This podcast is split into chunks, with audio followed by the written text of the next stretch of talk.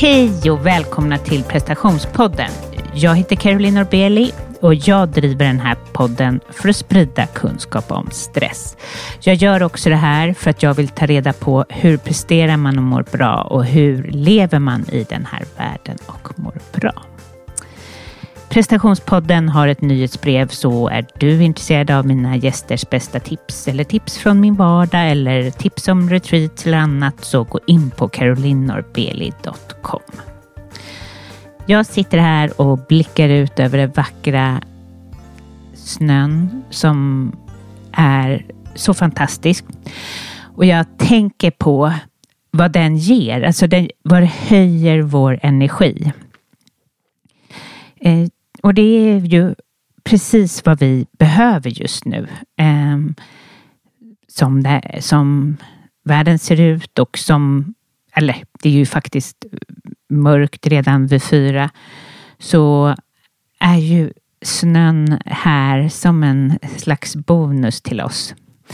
Eh, men så det får mig att fundera lite över min energi och hur viktigt det är med att, att göra saker varje dag som höjer min energi. Eh, eller som ger mig energi. Och eh, ja, för min del så är det att jag, jag tränar nästan varje dag. Och eh, det gör jag mycket för att stärka min kropp, men det är en stor anledning till att eh, höja min energi. För jag menar, det är ju det stresshantering handlar om. Eh, har vi låg energi eh, så, ser, så mår vi ju mycket sämre. Tankarna blir, sätter sig, eh, alltså vi fäster oss vid det. Våra tankar lättare.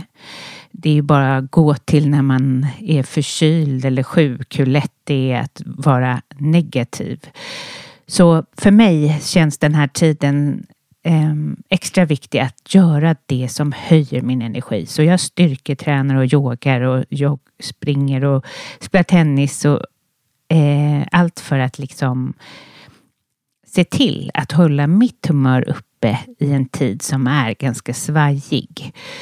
Och eh, jag tänker, det är ju bara se på eh, när man har en utmattning då energin, ens energi blir så tydlig. Eh, den kommer, den går, man får bakslag. Eh, helt plötsligt har man energi och det blir helt plötsligt så otroligt viktigt att hantera energin. Men vi glömmer bort det lite eh, sen när vi börjar må bättre och kommer ur utmattningen. Och har man inte varit i en utmattning så kanske man inte funderar så mycket över vad man kan göra för att fylla på sin energi. Um, och en annan sak jag gör för att fylla på min energi för att också connecta med mig själv är att jag på ett eller annat sätt varje morgon gör en morgon, har någon morgonrutin.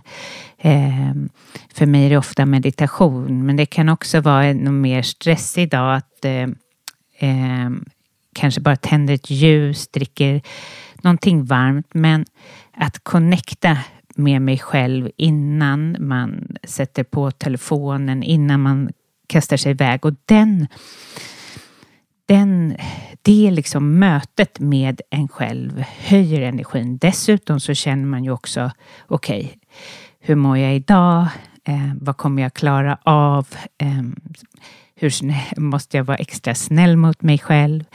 Det finns massa eh, alltså, information där på morgonen om en själv och man är också så jag tror att vi ger ju så mycket av oss under en hel dag. Vi får så mycket stimuli så bara det lilla mötet är, är otroligt viktigt. Eh, men i huvud taget fråga dig själv. Vad, vad höjer din energi? Vad gör dig glad?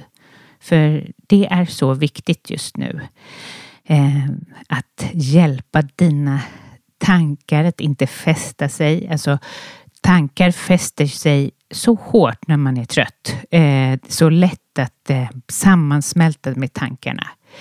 Så vad kan du göra? Jag brukar ofta säga till mina kunder att eh, har du sovit, har du ätit, har du druckit? Som att de är barn.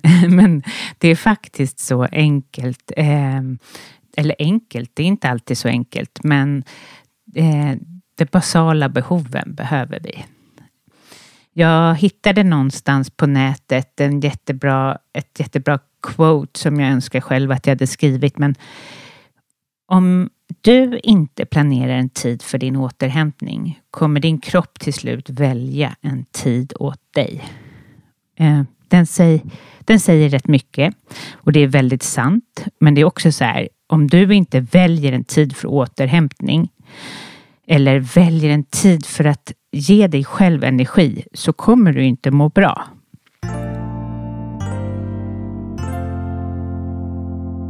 Jag har ju jobbat nu i eh, ja, snart åtta år med att eh, coacha privatpersoner. Helt fantastiskt. Och eh, det, nu låter det som att jag ska sluta med det, men det ska jag verkligen inte. Det är det bästa som finns. Alltså, jag älskar att se folk växa. Eh, de här små breakthrough när de liksom bara ja, greppar det som har kommit fram i coachingen. Och, ja, det är otroligt. Men sju år så ska man göra någon slags förändring och min förändring är att jag börjar vända mig till eh, företag. Alltså, jag vill jättegärna coacha och eh, in, individuellt men också i grupp på företag. Och um, jag tänkte bara berättar det för dig som lyssnar utifall du jobbar någonstans som kanske kan vara i behov av en sån som mig. Och eh, på min hemsida carolinaorbilly.com så kan du gå in på företag och där skriver jag om hur jag jobbar och eh, mina tankar kring det. Eh, och eh, jag har platser kvar i min coaching. Ehm, eh, och Eh, ni är varmt välkomna till att höra av er till mig. Ehm, jag tänker så här att det är en eh, ganska fullbokad tid just nu inför eh, inför jul. Men man kan alltid träffa mig 30 minuter och sen sätter vi igång i januari och eh, skapar förändring helt enkelt. Jag coachar som ni säkert vet i stresshantering, prestationskrav, att hitta tillbaka till sig själv, att eh, känna sig mer levande, eh, mer livsglädje. Så där igen, gå in på carolinorbeli.com och signa upp. Och retreatet den 22 till 25 maj eh, är ju på och där man yogar och eh, eh, mediterar och vandrar i Deja. Så varför inte ge dig själv världens bästa julklapp att åka med på retreatet? det är i alla fall en, en eh, ja, varenda retreat jag har gjort till dig har varit helt fantastiskt och eh, ett eh, minne för livet. Så mm, varmt välkommen att eh, lämna en intresseanmälan så hör jag av mig.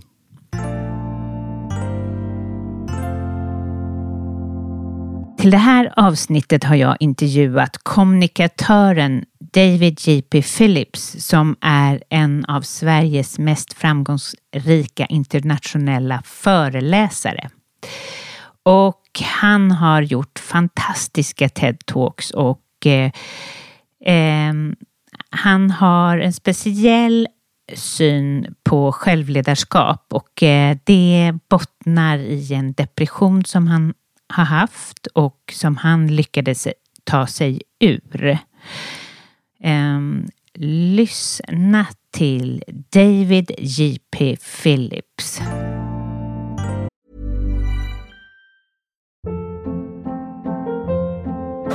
Hold up. What was that? Boring. No flavor. That was as bad as those leftovers you ate all week. Kiki Palmer here, and it's time to say hello to something fresh and guilt-free. Hello Fresh. Jazz up dinner with pecan-crusted chicken or garlic butter shrimp scampi. Now that's music to my mouth. Hello Fresh. Let's get this dinner party started. Discover all the delicious possibilities at hellofresh.com.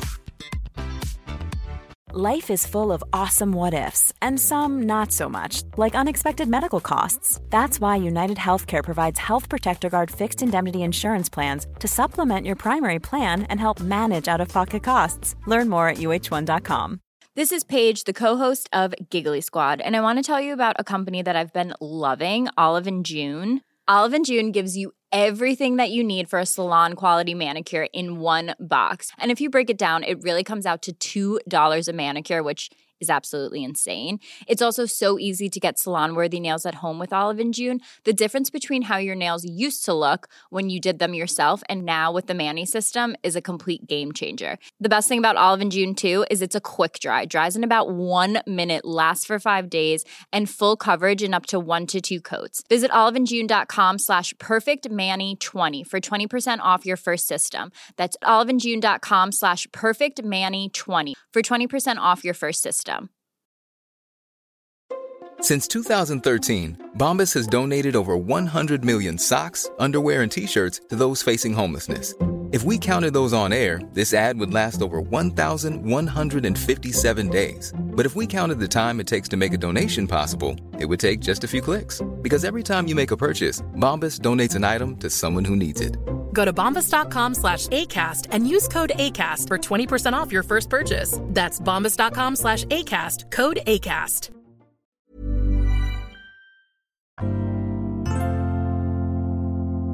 Välkommen till prestationspodden, David. Tack, tack så jättemycket. Kul att vara här. Jättekul att ha dig här. Eh, berätta för lyssnarna, vem är du? Wow, det är ju en eh, stor fråga. Jag är en fri själ, jag älskar livet och jag tycker om att dela med mig av min kunskap om hur man kan må ännu bättre, kommunicera ännu bättre. Um, ja, men det är nog slutsatsen där. Mm. Det är liksom där jag kommer ifrån. Sen så, min bakgrund är att jag har ett antal TED-talks som är väldigt, väldigt populära. Och nu är en bok, Sex substanser som förändrar ett liv, som också har blivit tror det är nu Sveriges mest säljande bok inom ledarskap det senaste året. Och eh, ska ut på 31, 31 länder. ska den ut i. Albanien sist ut. Ja, fantastisk ju. Ja. Så därifrån kommer jag. Mm. Eh, hur, alltså, när blev du intresserad av att föreläsa? Wow, det var ju ett bra tag sedan. Jösses. När jag var när jag var, när jag var, när jag var 18 ungefär så blåste min eh, kollega mig. Vi, vi drev ett eh, IT-bolag då. Och en dag när jag kom till jobbet så, så gick det inte att ta sig in på jobbet för han hade dragit med nycklarna och pengarna. Så att där var jag, jag var nog faktiskt 18 då. Så att jag stod där med en eh, hyfsat stor skuld. Och jag hade ingen tillgång till någonting. Eh, mitt liv tog lite slut där. Ett, en stund tills att någon bara någon, vad ska man säga, en av våra kunder hörde av sig och sa, du kan inte du utbilda ett gäng här i Microsoft-produkter? Jag var otroligt IT-intresserad och hade ett, eh, vad som kallas för ett MCSC, Microsoft Certified Software Engineer-protokoll. Så jag gjorde det och det gick jättebra. Så de sa så här, du kan inte du utbilda utbildare så vi kan ha fler i det här? Och så sa jag, det kan jag. För de var inte speciellt duktiga på det av någon anledning. Men jag verkade ha en fallenhet för det. Så min första utbildning i presentationsteknik höll jag när jag var ja, men typ 18. Och sen så byggdes liksom en karriär därifrån. Det blev fler och fler utbildningar. Sen kom TED-talket How to avoid death by PowerPoint och då tog föreläsningarna fart. Mm. För det fick väldigt mycket tittningar, eller vad säger man? Ja, det är jättehäftigt. Ljus. Och framförallt så är det, har jag fått mejl från, från Yale, från, från Oxford, Cambridge, MIT, där de använder den föreläsningen som en säga, utbildningsmaterial, både för elever men också för professorer hur de ska använda PowerPoint. Så med sina fem miljoner visningar så har den garanterat mycket högre eftersom den visas ofta kollektivt på de här platserna bland annat. Mm. Mm. Fantastiskt. Eh, när du där, när du, jag visste inte om den här historien, att du, eller historien, men att det var så att han blåste dig när du stod där och hade de här skulderna. Vad var din reaktion i det? Jag har inget minne av att det var att det inte gick att lösa. Jag tror jag var, du var så ung också. Ja, jag tänkte bara, nej men det här löser sig. Och sen så löste det sig. Alltså, de här hörde av sig typ bara inom några veckor. Ja. Eh, de insåg ju så här, åh, han har ingenting att göra, han vill vi ha. Mm. Så det, det ordnade sig. Så det mm. var som en knuff ut, liksom från någon annanstans, inte egentligen ifrån dig själv? Ja, ja, ja, jo, så det var inte mitt det var inte mitt, på mitt initiativ att jag skulle hamna där. Men, eh, men det var en häftig studieskuld. Jag tror det kostade mig 750 000 kronor i, i, i skuld då, som jag behövde beta av. Då. Oj. Så, ja, spännande start på livet. Verkligen. Eh, och så har du skrivit böcker och eh, berätta om din bok eh, Sex substanser som förändrar ditt liv. Alltså, Mm. Ja, Vad den skulle, den om? Den skulle aldrig skrivas. Jag hade aldrig någon egentligen ambition att skriva en bok. Jag eh, kände den aldrig förut tror jag. Men sen av en händelse så träffade jag Claes Hallberg och Adam Dalin tillsammans med min kompis Matilda Westerman allihopa på Haymarket. Eh, av olika anledningar så satte vi oss ner allihopa. Och de gav sig inte förrän jag sa att okej, okay, jag skriver en bok. Ungefär så gick det till. De inspirerade och motiverade mig under det här samtalet. Så bara, det här ska du göra.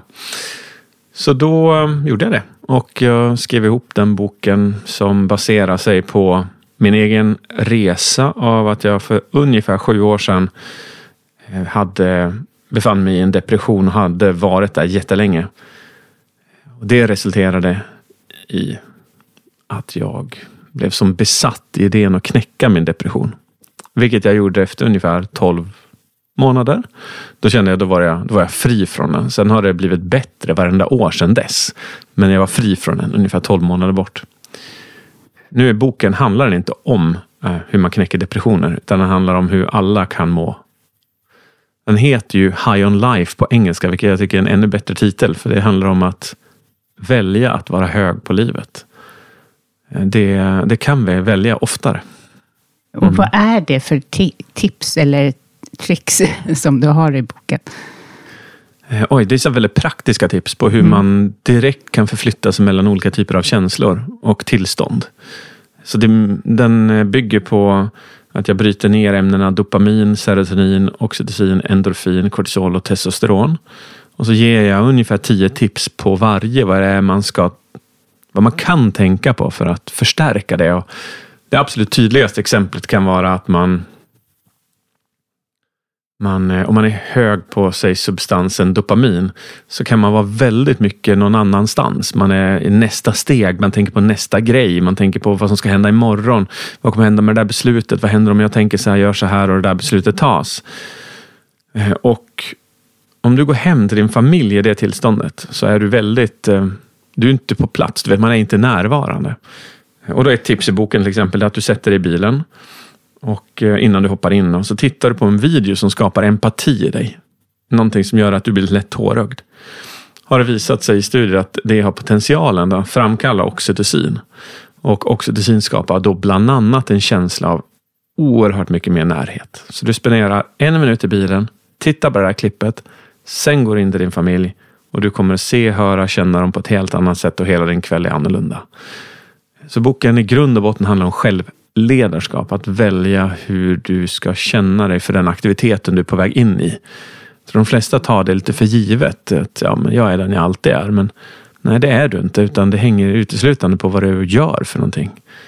Så. Det är ju uppfriskande. För man mm. kan ju känna så här, man befinner sig i oro, man befinner sig i stress. Men det finns saker eh, som man kan göra. Men hur kom du till att bli så intresserad av de här olika substanserna? Jag jobbar ju med människor så. Mm. Jag är ju mer liksom inriktad på ja, praktiska tips med lite psykologi och sådär. Men jag har inte riktigt kommit till de här substanserna. Mm. Det är, jag säger absolut inte att det är fel, men hur hittade du den här inriktningen? Mm. Båda mina föräldrar var jätteintresserade av filosofi, mm. psykologi Och det, det var vardagliga konversationsämnen hos oss.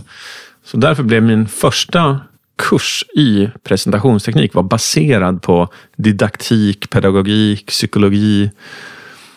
Och sen så gjorde jag det i kanske sju år. Någonstans där så kände jag att det måste finnas någonting djupare. Och då började jag kika på neurovetenskap. Eh, och då tyckte jag att det här var ju fascinerande. Olika hjärnområden eller områden i hjärnan, hur de stimuleras och därmed skapar olika typer av effekter. Och allt, ju mer jag läste om det, eh, ju mer kopplingar fanns det till vår biokemi. Eh, och så att om man tittar på det ur ett lagerperspektiv så lagret längst upp psykologi, lager nummer två neurovetenskap, lager nummer tre biokemi, lager nummer fyra genetik. Eh, så att jag gick, eh, min första kurs var fokuserad på psykologi, andra kursen som jag uppdaterade handlade om neurovetenskap, tredje kursen i presentationsteknik uppdaterades till biokemi. Och sen så försökte jag eller försökte ska jag inte säga, men jag tyckte det var intressant att kika på, finns det genetiska variationer i vår förmåga att presentera och kommunicera? Eh, och hittat några stycken, men det gick inte att bygga material på det. Ehm, så att då hoppade jag upp till biokemi igen och så har jag liksom landat där, för jag tycker att det gör det man säger tydligt. Eh, och det är ju inte, det är inte så att dopamin skapar känslan, utan dopamin är lite som i en bil, när man tankar bränslet så ger det bilen förutsättningen att bete sig på ett visst sätt. Det är samma sak här. Eh, Ökar dopaminet i mesolimbiska systemet så ökar eh, så kan vi få en, en upplevelse av potentiell njutning till exempel. Mm. Och vi överdoserar dopamin. Ja, jösses. Ja, nu, med tanke på våra mobiler och, Ja. och sådär. Ja, Ja, men exakt. Det är ju, jag får många gånger frågan, vad är, eh, vad är lycka? Det är ju en spännande fråga. Det är en fråga som antagligen mänskligheten har ställt sig jättelänge. Men jag, i, i boken så har jag brutit ner till att varje substans kan i sin egen form vara lycka. Och eh, dopamin är ju lyckan av ruset. Ruset att köpa någonting nytt, göra någonting nytt, ny aktivitet, man ser fram emot någonting nytt. Det är en jättehäftig form av lycka. Enda problemet med den är att det är som en berg och dalbana. Du måste köpa nya saker, köpa ännu bättre saker för att berg och dalbanan ska fortsätta vara spännande. Men tar man då till exempel eh, serotonin som man har sett eh, är en koppling till nöjdhet. Alltså, det är den ultimata lyckan som jag känner för mig. För den är så, du vet man bara går ut på morgonen och så bara tar du in fågelkvittret. Du tar in eh, doften, känslan. Du har ingen ambition att vara någon annanstans. Utan du är bara tvärnöjd med det du är, det du har och det du gör. Och den tycker jag är så harmonisk. Eh, Och den är inte lika berg och dalbaneaktig. Utan du kan mycket väl vara i den här harmonin vet, en hel vecka om det är så. Eh, Och befinna sig där. Mm. men när du var deprimerad, eh, hur var det? Du kunde fortfarande, vad jag förstår, jobba. Mm. Ja, I varje fall i början, ja. ja. Mot slutet gick det inte. nej. Eh, Så först var det en fungerande depression du så, eller hur? hur, hur? Mm. Ja, exakt. Mm. Ja. Ja, jag var, och ibland undrar jag om den här kommunikationsnördheten som till exempel min, mitt senaste TED-talk som gick ut på det jag studerade 5000 talare i sju år för att hitta alla sätt vi kommunicerar på. Mm. Ibland undrar jag om inte jag blev så besatt av idén att bryta ner människans kommunikativa system i beståndsdelar för att jag var tvungen att sätta på en, eh, en ansiktsmask. Jag var tvungen att tekniskt sett låtsas som att jag hade känslor. Jag tror att det, kan ha varit en skyddsmekanism när man går tillbaka till det och tänker. Att du gick all in i det då? Ja. Ja, för att lära mig hur, hur är man som människa? Men vad... Eh, för det var ju som en, vad jag förstod, en liten uppenbarelse för dig när du helt plötsligt kände en form av lycka. Mm. Eller hur? Ja. Vad, vad var det då du hade gjort? För jag antar att det är det du, boken sen lite, alltså du Mm. testade ju otroligt mycket saker. Mm. Eh, Det, processen det var Ja, jag var deprimerad väldigt länge. Livet var väldigt mörkt. Jag ville inte leva. Det, när det verkligen slog i botten var när jag eh, under en hel sommar i stort sett bara grät. Jag tog mig inte upp i sängen. Eh, och eh, jag har fått höra efteråt att det var bra att du grät i varje fall. För när man har passerat den gränsen och man bara apatiskt ligger där. Då är det ännu svårare att ta sig tillbaka. Men i det där ögonblicket så jag insåg ju under den här perioden också att jag älskade ju inte mina barn. Jag älskade inte min fru, inte mig Oj. själv på det sättet som andra älskade. Så jag fattade ju att det var någonting fel. Jag kunde bara inte sätta fingret på det. Och jag är så jädra envis. Alltså jag ska alltid lösa allting själv. Det har alltid varit min personlighet på gott och ont verkligen. Alltså. Jag tror att jag sökt hjälp tidigare så hade det löst sig mycket tidigare. Men nu blev det så här, okej, okay, nu har jag två alternativ, för nu, nu orkar jag inte längre. Antingen så dödar jag mig själv eller så gör jag någonting åt det här. För det var liksom slut på det där. Det fanns inget mellanting längre. Och då, då kom min fru in och eh, jag tror det blev räddningen faktiskt. Eh, hon, hon sa så här att, vet du vad? Vi börjar med att göra så här att jag tar ansvar för allt. För hemmet, för kaféet, för barnen, för bolag, rubbet. Du behöver inte göra någonting. Det är bara ligg här. Och, och det lyfte någon form av sån enorm tyngd för mina axlar på något sätt som gjorde att jag ansträngde mig att göra det enda jag visste och hade läst mycket om verkligen hjälpte var meditation. Mm. Så då började jag meditera. Och när jag började så är jag ganska envis. Jag körde 20 minuter per dag oavsett vad. Och jag gjorde det i ungefär sex veckor tror det var sex veckor.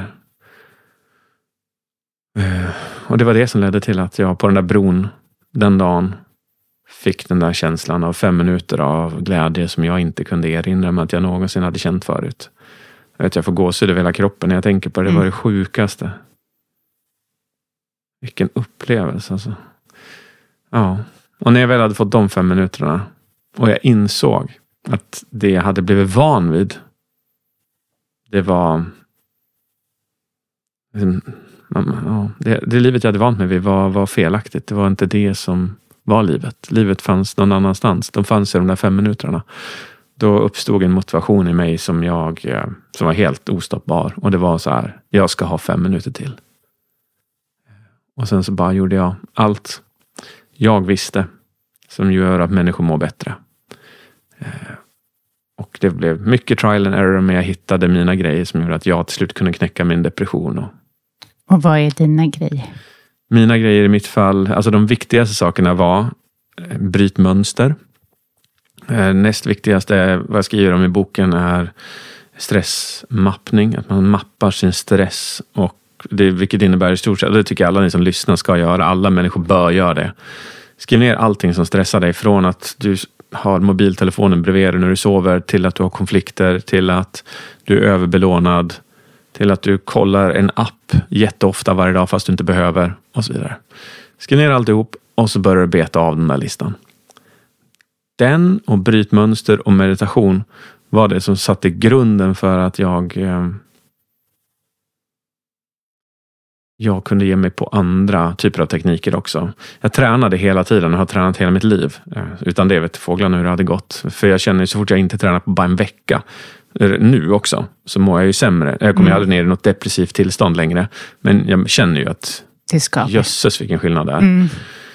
Eh, och sen så gick jag vidare på saker som fokusfrågor, sanningar, värderingar och regler som vi har i våra egna hjärnor.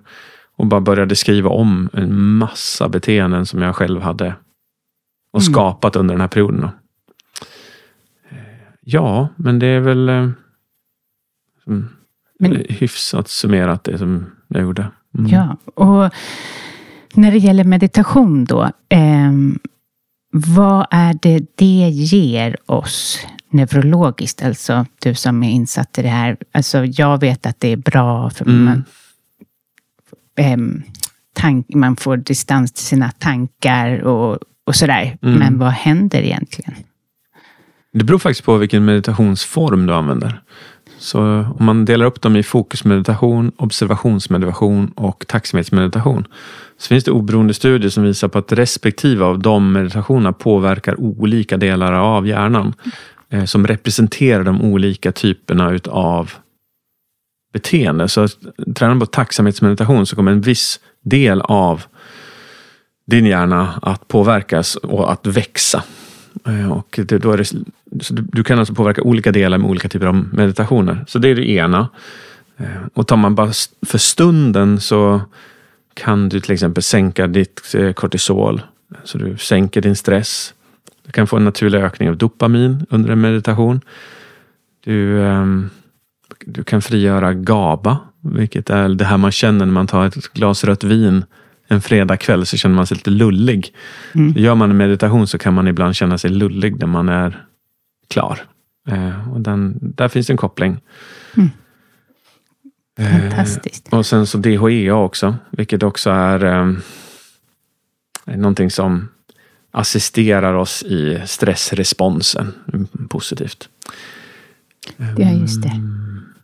De sakerna och sen så är det väl mycket, jag tycker ju om fokusmeditation för jag tror att det är någonting som många drabbas av att det finns så många tankar som flyger i våran skalle hela tiden. Många kanske jag tror man sitter fast i det, att man inte riktigt kontrollerar vilka tankar som dyker upp. Och framförallt är det inte så att man har koll på att man ska stoppa dem och förändra dem. Så jag brukar beskriva meditation som verktyget för att skapa ett utrymme mellan stimuli och reaktion. Eh, om stimuli är någon skriker på dig, din reaktion är att du skriker tillbaka. Om, om utrymmet är noll mellan din stimuli, du, du typ skriker tillbaks instinktivt. Du har inget utrymme mellan stimuli och reaktion, så då kan du aldrig jobba med ditt självledarskap. Du kan aldrig kontemplera över, ska jag bete mig på ett annat sätt? Men med meditation så kan du utvidga utrymmet mellan stimuli och reaktion. Det blir tydligt tycker jag. Mm. Mm. Och då kanske du ger dig själv tio sekunder. Eh, och där kan du bara, ja men du, i den här situationen så mår den här personen så här. Därför så blir min reaktion så här istället. Mm. Ja. Precis. Ja, det, är så, det är väldigt skillnad om man har hunnit med meditationen eller inte mm. under vissa dagar. Mm. Så man känner att eh, ja, irritationen kommer snabbare. Mm. Ja. Mm. Men eh, vad jag har förstått så um, var det en tid i ditt liv då du var på gränsen eller till utmattad. Stämmer mm. det? Ja. ja. Eller det var någon alltså som hängde, sa det till Det hängde ihop. Mm. Ja. Om man ligger en hel sommar och gråter i en säng så är det ja. ju sannolikt en kombination av depression och utmattad. Och, ja. Eh, ja, men det var slut då. Liksom. Mm. Jag orkade inte längre. Det var, Nej. Det var slut. Mm.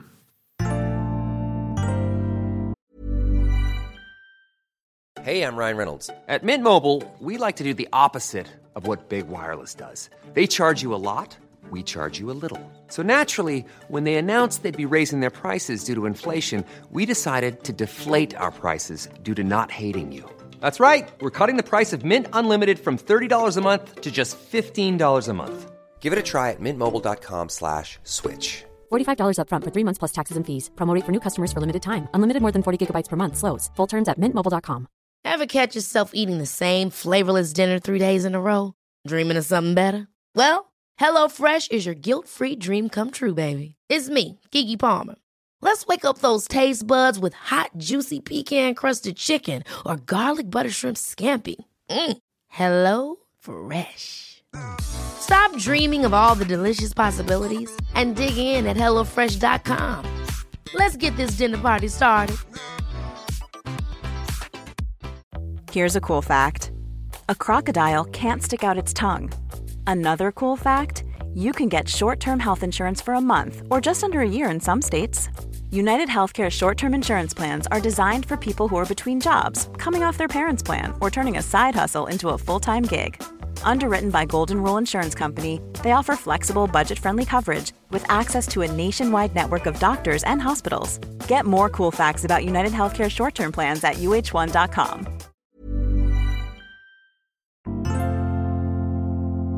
Då började du göra den här förändringen. Um, och hur lång tid tog det innan du kände dig bättre? Alltså jag kände att jag höll på att falla, tillbaka till depressionen. I varje fall mm, 69 månader efteråt.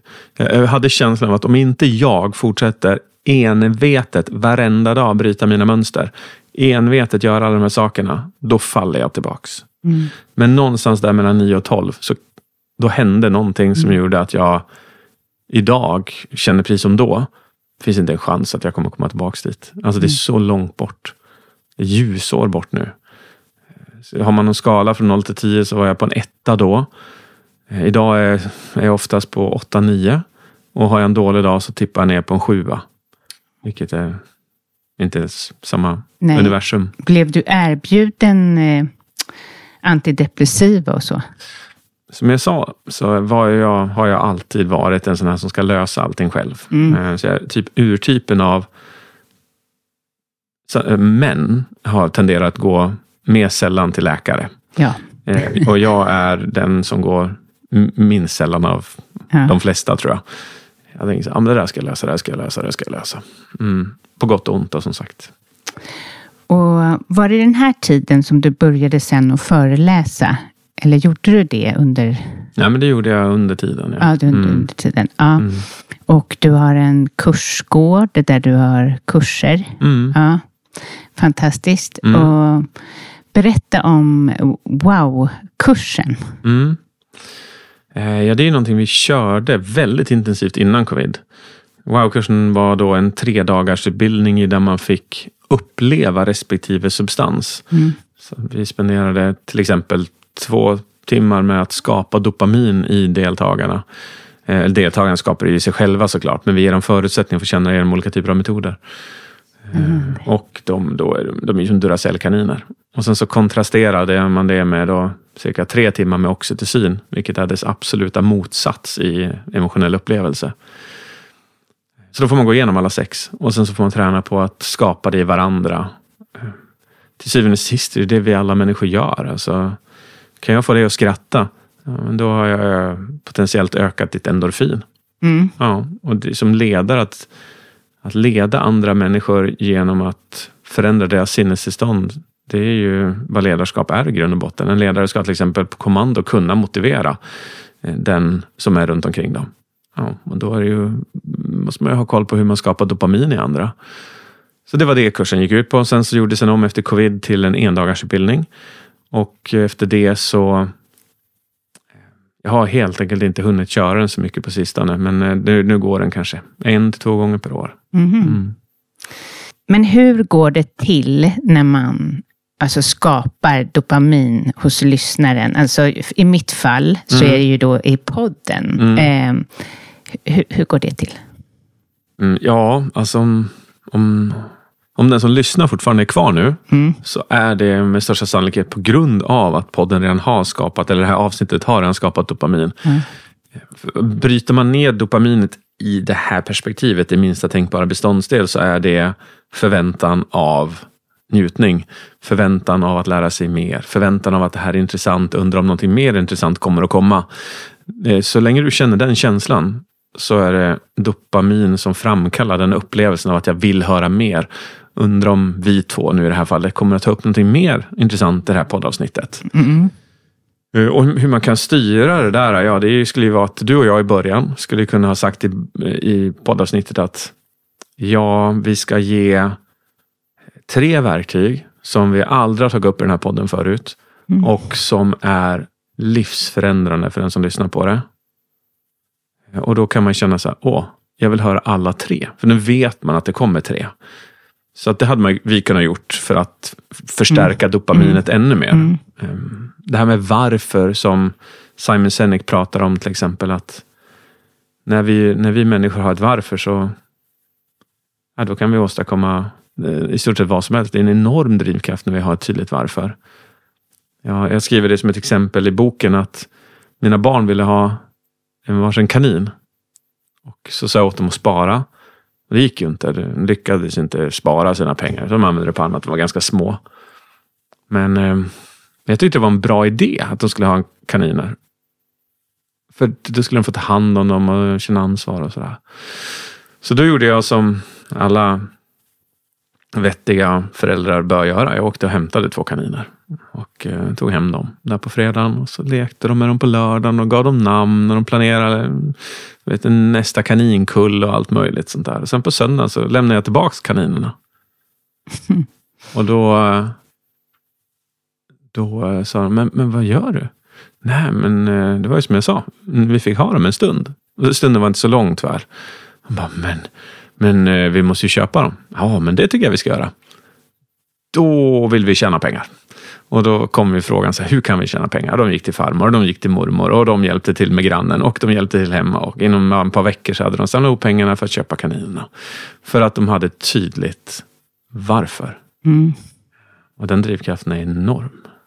Ja, jo, det är ju den, absolut. Det ser man ju hos de äldre som tappar sitt varför, eller Ja. de som inte gör det. Det blir väldigt stor skillnad i hur man mår.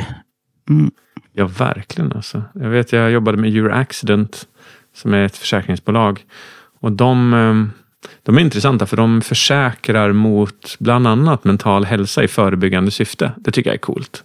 Så om du känner dig minsta så här, instabil så ringer du in till ditt försäkringsbolag, då, Euro Accident, och så säger du så här. Ja, du, eh, jag börjar må så här. De bara, det här löser vi direkt. Vi ordnar det här. Du får prata med den här och den här terapeuten. Så man i förebyggande syfte ser till så att de inte hamnar liksom, i utbrändhet, ångest eller depression. Mm. Eh, Men det som är intressant, jag skulle komma till, det var att deras, eh, deras metod som de själva har tagit fram bygger uteslutande på purpose. Eh, Och de har sett, det, det, det vida överstiger andra metoder som de har testat. De tar in de här personerna och det de kan konstatera återkommande är att personerna oftast som oftast har förlorat sitt purpose, sitt mål, sitt varför, sitt syfte. Och då, ska, då tar de fram ett nytt åt dem tillsammans med dem. Eh, Och då, Imponerande. mm, jättehäftig metod och coolt eh, gjort alltså. Ja, ja, hoppas att det går bra. Ja, De, ja det, de har ju hållit på länge och det är Det fantastiskt. verkar gå bra. Ja, Ja, jag har haft ett jättebra kul. samarbete med dem. Så Ja, det, det, är roligt. också, det kommer från, ett, liksom, från USA det här konceptet. Så Mm. det är nog ganska nytt att försäkra mot framtida mental ohälsa i Sverige. Men Härligt. häftigt tycker jag. Varför tror du att eh, människor är så stressade i Sverige och det utmattningsantalen är så höga? Min teori skulle grunda sig i att det har aldrig varit svårare för våran hjärna att leva som människa någonsin i mänsklighetens historia. Nej.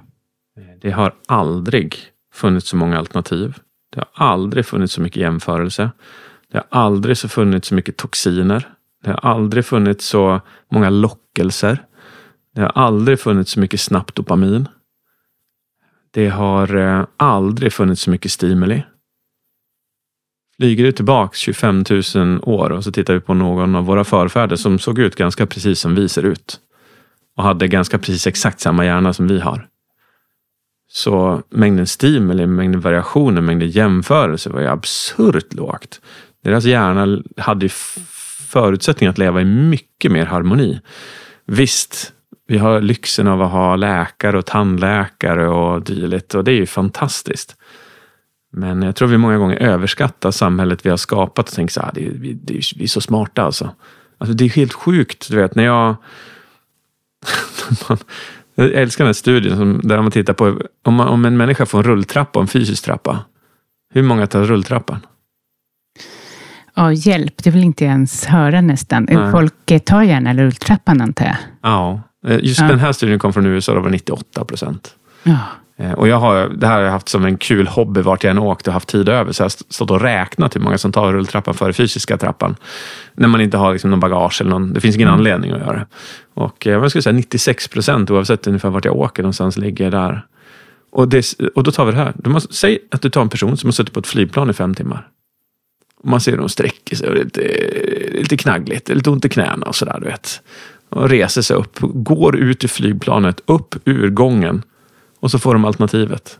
Rulltrappa eller fysisk trappa. Då tar de rulltrappa ändå, vet du. Men medan det instinktiva skulle vara så här.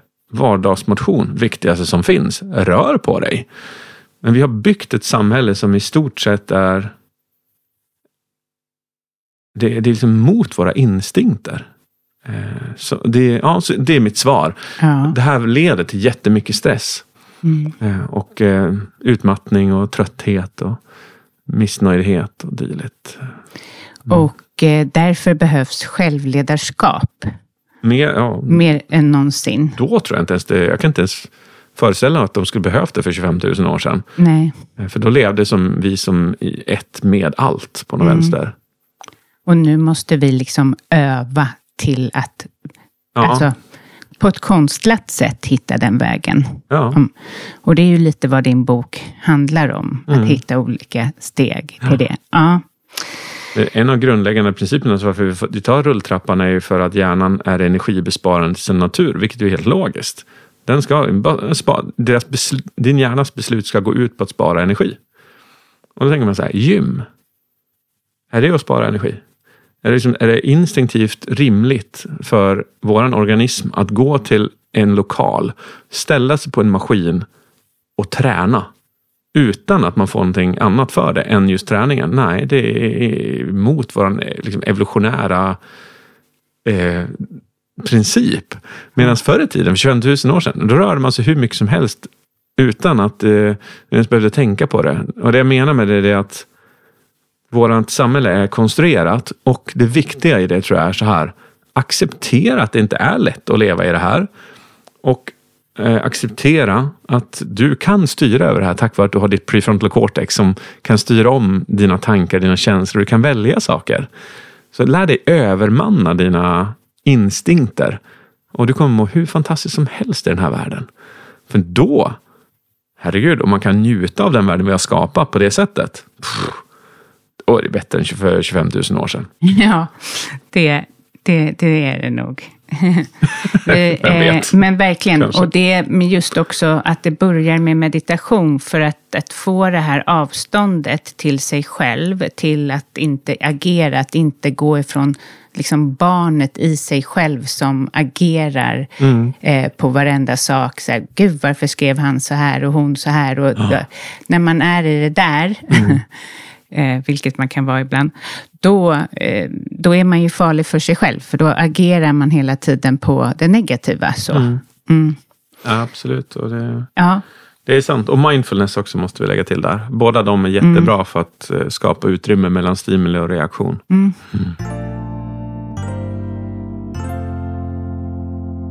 Eh, jag har hört dig och du har berättat eh, några gånger, men jag tycker det är intressant det här med att skriva ner sina sanningar. Mm. Berätta dina tankar kring det. För att beskriva vad en sanning är på ett tydligt sätt så skulle man kunna säga som så att du vet när du övningskörde.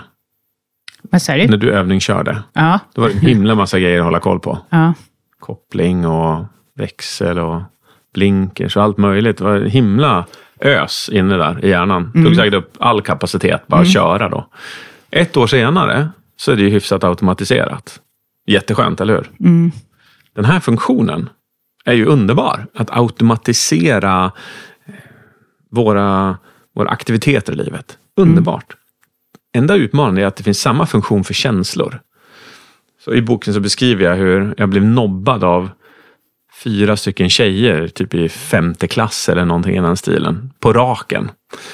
Och då är hjärnan så pass eh, klurig att den är så här, hmm, hur, det här gjorde ju jätteont hos David. Hur kan vi skydda honom från den här smärtan i fortsättningen? Och då skapas en sanning som då kan lyda så här. I mitt fall var att, att kvinnor gör ont. Så jag undvek aktivt kvinnor 30 till jag var typ nästan 40. Eh, Skulle jag vara med kvinnor i samma rum så behövde jag ha andra liksom, personer med mig, andra män med mig. Eh, För att min hjärna hade verkligen satt grillorna i huvudet på mig att det gör ont. Och sen så hade den på något sätt också kopplat ihop det med att det var fel på mig. Så att jag ansåg att jag helt enkelt var ful och att kvinnor var smärtsamma fram till typ 40 års ålder. Eh, Det är en sanning. Mm. Det som är intressant är att alla vi som lyssnar, du och jag, hela vårt liv är byggt av sanningar. Eh, inte det som är sant, utan det som är sanningar. Och för då, till exempel hur en sån här grej, kan skapas. Ponera då att du får en sån tropisk skum eh, sjukdom. Läggs in på sjukhus för att du är smittsam. Så får du ligga på den avdelningen. Åtta veckor ska du ligga där. vet du. Eh, Så du får mat genom en lucka. Men så ger de dig en dator. Eh, Det, det du inte vet är att det är någon som håller på att plantera grejer i den här datorn som ska påverka dig, men det vet inte du. Så när du ligger där, så efter några dagar, så dyker det upp en, eh, en eh, forskningsartikel som tyder på att på grund av miljöförändringar, klimatförändringar, så har rödhåriga personer blivit lite mer aggressiva. Och det finns en jättebra förklaring på det där genetiskt och dylikt. Du bara, ha, det var ju märkligt ändå. Så några dagar senare så kommer det upp en nyhetsartikel som nu någon har planterat på din dator. Det står att, ja, att eh, det var bråk mellan rödhåriga personer. Och så fortsätter det på det här sättet. Det kommer någon mer och det är någon som är med i någon våldshandling och det är så här, du vet. Åtta veckor senare och 14 nyhetsrapporteringar senare så blir du friskriven och utskriven och så är du på väg ut till sjukhuset. Precis när du är på väg ut i snurran så möter du en rödhårig person och du rycker till instinktivt av rädsla. För att någon annan har valt en sanning i dig baserat på vad det du har tagit in. Och då kan man fråga sig, sker det här idag? Finns det, styr media vårt sätt att tänka? Absolut. Eh, vad skulle jag säga? Är 95 procent av all media negativ? 90? Ja. Ja. Mm. Så våran bild blir ju att sanningen vi har om världen är rätt negativ. Väldigt. Jag tycker det är synd. Mm. Ja. Och det som är det, jag, det man kommer fram till med sanningar, det är ju att det är väldigt få som har valt sina egna. De flesta hjärnor och våra sanningar är en produkt av händelser vi inte hade koll på. Från våra vänner, från media, från social media, från kultur, från samhälle. Och det jag verkligen förespråkar i boken, det är att en dag stanna upp och bestämma att nu bestämmer jag. Ja. Och så skriver man om sina sanningar och man tar kommando av att nya inte skapas lika fritt som de gjorde förut. Nej, det är riktigt bra faktiskt. Um, precis. Uh, det finns ju... Jag, jag, jag tänker då på alla som får diagnoser och det är mycket bra med en diagnos. Men det är också en sanning som sätts, som kanske inte är en hel sanning. Du får ADHD och det inkluderar väldigt mycket att ha det. Sen är inte jag negativ till det, men det är det som kommer upp i mig när du pratar om de här sanningarna. Att det är ju, står i tidningarna nu, att det aldrig funnits så mycket ADHD-diagnoser som möjligt. Och det är ett ganska, en stor sak för någon att få den. Så, Ja, men tänk, tänk om sanningen var motsatt då? ja, Och så var det så här att sanningen som kulturen bad på, vårt samhälle bad på var så här. Eh, ADHD, det är det bästa man kan ha. Ja. ADHD gör att du har hur mycket drivkraft som helst. Du, eh, du, eh, du kan vara fokuserad på saker stundtals. och Så på nästa grej, nästa grej. Du får mycket Mm. gjort. Bra på att multitaska till exempel. Du vet, tänk om det fanns en bild av ADHD på det, det sättet som det är positivt på. Ja. Och så bara får man en diagnos från sin läkare. Du har ADHD. Bara, Mm. Va? Säkert? Gud vad grymt, high five. Så går man ut på sociala medier. Bara, ja, ADHD, shit det här känns jävla grymt. Jag kommer få de här nya jobben, de här nya karriärsmöjligheterna. Men nu är det tvärtom. Sanningen är att ADHD, är, nej usch, det, är- det, är, det är inget bra i skolan, vet du. det stör. Mm. Ja, men vadå stör? Stör ju ett förlegat eh, skolsystem. Det är inget fel på Precis. ADHD, det är ju systemet det är fel på. Precis, och det hörde jag dig prata om som jag håller med om så mycket om skolan. Att, eh, men att, ja men, ja de här barnen är fyllda med, nu hoppar jag här, de är fyllda med dopamin av sina spel och allting, för det är så det ser ut. Men skolan lever ju inte upp till det. Alltså när de kommer dit så är det ganska långsamma föreläsningar med, det händer inte så mycket. Och många barn blir o, eh, ostimulerade. Alltså, Ja, de, eh, de skulle behöva gå i kurs. Ja, skolan skulle behöva förändras i, i grunden. Man kan inte förvänta sig. Jag tycker synd om lärare. Ja, de är Som- fantastiska lärarna. Alltså det är lärare inte det. är magiska. Ja, alltså. mm, Jag tycker synd att inte det fanns liksom ett, ett, ett skolorgan Mm. som bara så här, okej nu, nu är eh, eh, det här har skett i samhället. Alltså Mm. de senaste fem, sex, sju åren har det skett sådana fenomenala förändringar. Precis. Eh, och då skulle ju de ha varit vakna. Och bara så här, okej, baserat på det här så kommer nästa år se ut så här. Baserat på det här så kommer nästa år se ut så här. Bara Mm. anpassa, anpassa, anpassa. nu får ju man som lärare springa i uppförsbacke i motvind, kissnödig i ishalka. Fan skitsvårt. Ges inte rätt förutsättningar. Nej, det gör ju inte det. Och de är ju hjältar som jobbar, så det är inte deras fel vill jag ju poängtera. Men, men att det just krävs någonting annat nu och ja, anpassning vore ju bra. Mm mm -hmm. Tveklöst. Ja, ja men eh, eh, ja, du jobbar ju då och hjälper folk bli bättre som föreläsare ehm, eh, med deras kroppsspråk och hur de gör det. Och, eh, jag undrar lite så här, hur förändrar man nervositet? Alltså jag tänker mig många som lyssnar, inklusive mig själv, mm. Eh, tampas med nervositeten. Mm. Ehm, och det kan ju vara så lam... Alltså man blir helt förlamad av nervositet. Mm. Vad ska man göra? Ja, som jag nämnde för dig i min kurs eh, Presenter Mastery som jag kör, mm. en global onlinekurs, så gick vi igenom de ja, 11-12 bästa teknikerna jag samlat på mig under mm. mitt liv. Och eh, börja, om jag ger några av dem. Det första är, det är att man eh, omdefinierar det. För att, eh, att, att, att nervositet och spänning är ungefär samma biologiska respons. Mm. Så det ta en berg och dalbana, den som står längst fram är helt upphetsad över att åka berg och dalbana. Mm. Höga nivåer av, av, av stresssubstanser, mm. kortisol, adrenalin, noradrenalin. Eh, hö, hög på dopamin, hjärtat slår, eh, svettningar i händerna, du vet, de är, det är ju taggat. Hur kul som helst ska det bli. Personen efter dem, bara så här, måste jag åka? Jag vill inte, jag hatar att åka berg och. Vilket grundar sig på, och de i deras fall, hjärtat slår. Adrenalinet är högt, noradrenalin, dopaminet, kortisolet, allt är högt. Svettningar i händerna. De har samma responser de här två. Mm. Bara tolkningen är olika utav känslan. Eh, du har ah. personer som hoppar fallskärm. Vissa älskar det, vissa hatar det. Mm. Det är exakt samma biologiska reaktion. Det är bara, visst det är en skillnad på om du är livrädd, för då kickar amygdalan in på ett annat sätt. Mm. Men annars är reaktionen likadan. Och det här har man sett, det finns fantastiskt spännande studier på det här som visar att jag tog, eh, vi tar en då, liksom. man tog amatörer som skulle sjunga. Mm. I ena gänget sa man så här, säg så här till dig själv, att när du hjärtat slår, så säg att du är exalterad, you're excited. Bara säg det till dig själv. Och fastän de inte trodde på det, så resulterade det i det att de sjöng bättre, kvaliteten på sången var bättre och de hade roligare. Än den andra gruppen som inte fick den instruktionen. Det finns jättemånga sådana här som jag skulle kunna ta upp, men mm. att omdefiniera det till spänning är det första. Eh, sen så skulle jag säga den andra saken som man skulle kunna göra där uppe är är um, rörelse. Det tycker jag är spännande. Att uh, när vi är nervösa så tenderar vi att antingen inte röra oss eller så springer vi runt på scenen eh, irreguljärt.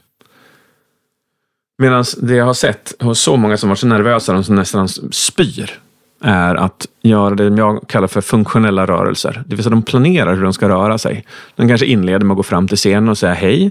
Sen tar de en whiteboardpenna, går till whiteboarden och skriver siffran 42 på tittar mot publiken igen och säger det här kanske ni undrar vad det är för någonting.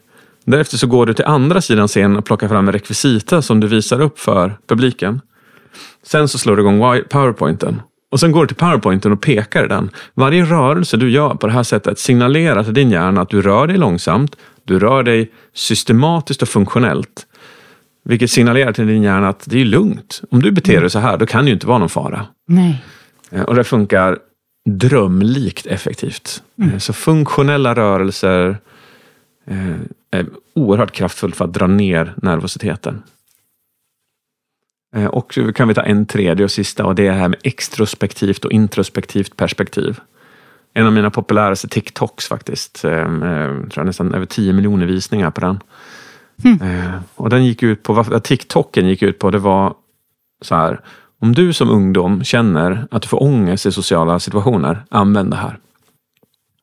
Och det, det det går ut på då, när man får ångest i en social situation, då fokuserar man oftast introspektivt. Man känner magen, man känner hjärtat, man känner svettningen, man känner torrheten, man känner sig yr. Om man skiftar till extrospektivt i det ögonblicket, vilket då går ut på att du flyttar fokuset utanför dig och så börjar du istället räkna antalet blåögda personer på festen. Eller du räknar hur många det är som har kjol versus byxor. Du gör någonting utanför dig själv. De här två tillstånden kan inte existera i, samtidigt. Så plötsligt så går alla dina fysiologiska eller fysiska symptom ner. Och det är samma sak när du ska presentera, så brukar det oftast vara introspektivt. Medan om du då i det läget ändrar till extrospektivt och bara fokuserar på att jag ska presentera med alla som har glasögon. Det är liksom det blir ditt fokus initialt i hjärnan. Allt du behöver göra det är att göra den här skiftningen i typ två minuter. Sen så kickar parasympatiska nervsystemet in och det blir lite mer balans mellan para och sympatiska. Eh, vilket man är ute efter. Och sen är det ett överslag på sympatiska nervsystemet. Ja, tre av... Jättebra, jättebra. Eh, ska jag öva på själv faktiskt.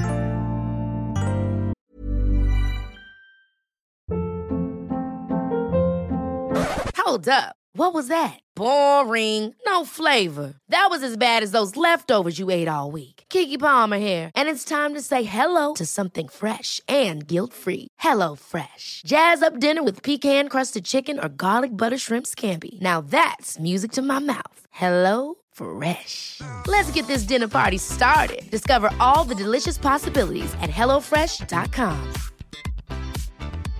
Imagine the softest sheets you've ever felt. Now imagine them getting even softer over time. That's what you'll feel with Bowl and Branch's organic cotton sheets. In a recent customer survey, 96% replied that Bowl and Branch sheets get softer with every wash. Start getting your best night's sleep in these sheets that get softer and softer for years to come. Try their sheets with a 30-night guarantee. Plus, get 15% off your first order at bowlandbranch.com. Code BUTTERY. Exclusions apply. See site for details.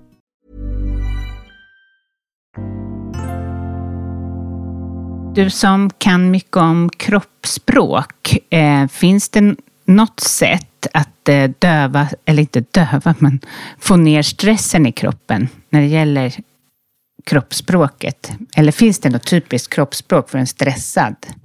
Ja, men det är ungefär samma sak faktiskt. Det, som det här, kommer du ihåg att jag sa att man sprang runt irreguljärt på scenen? Ska ersättas med funktionella rörelser. Man rör sig av en anledning på scenen, lugnt och sakligt.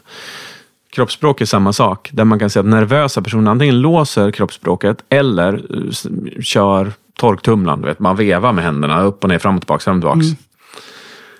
Medan om du använder funktionella, långsamma, distinkta gester så signalerar du igen till hjärnan som då känner så här, men jösses, om vi, om vi funktionellt gestikulerar så här långsamt och så här distinkt, då är det ingen fara längre. Nej. Nej, men nu kan vi släcka det. den här Ja. tigern måste ha sprungit iväg.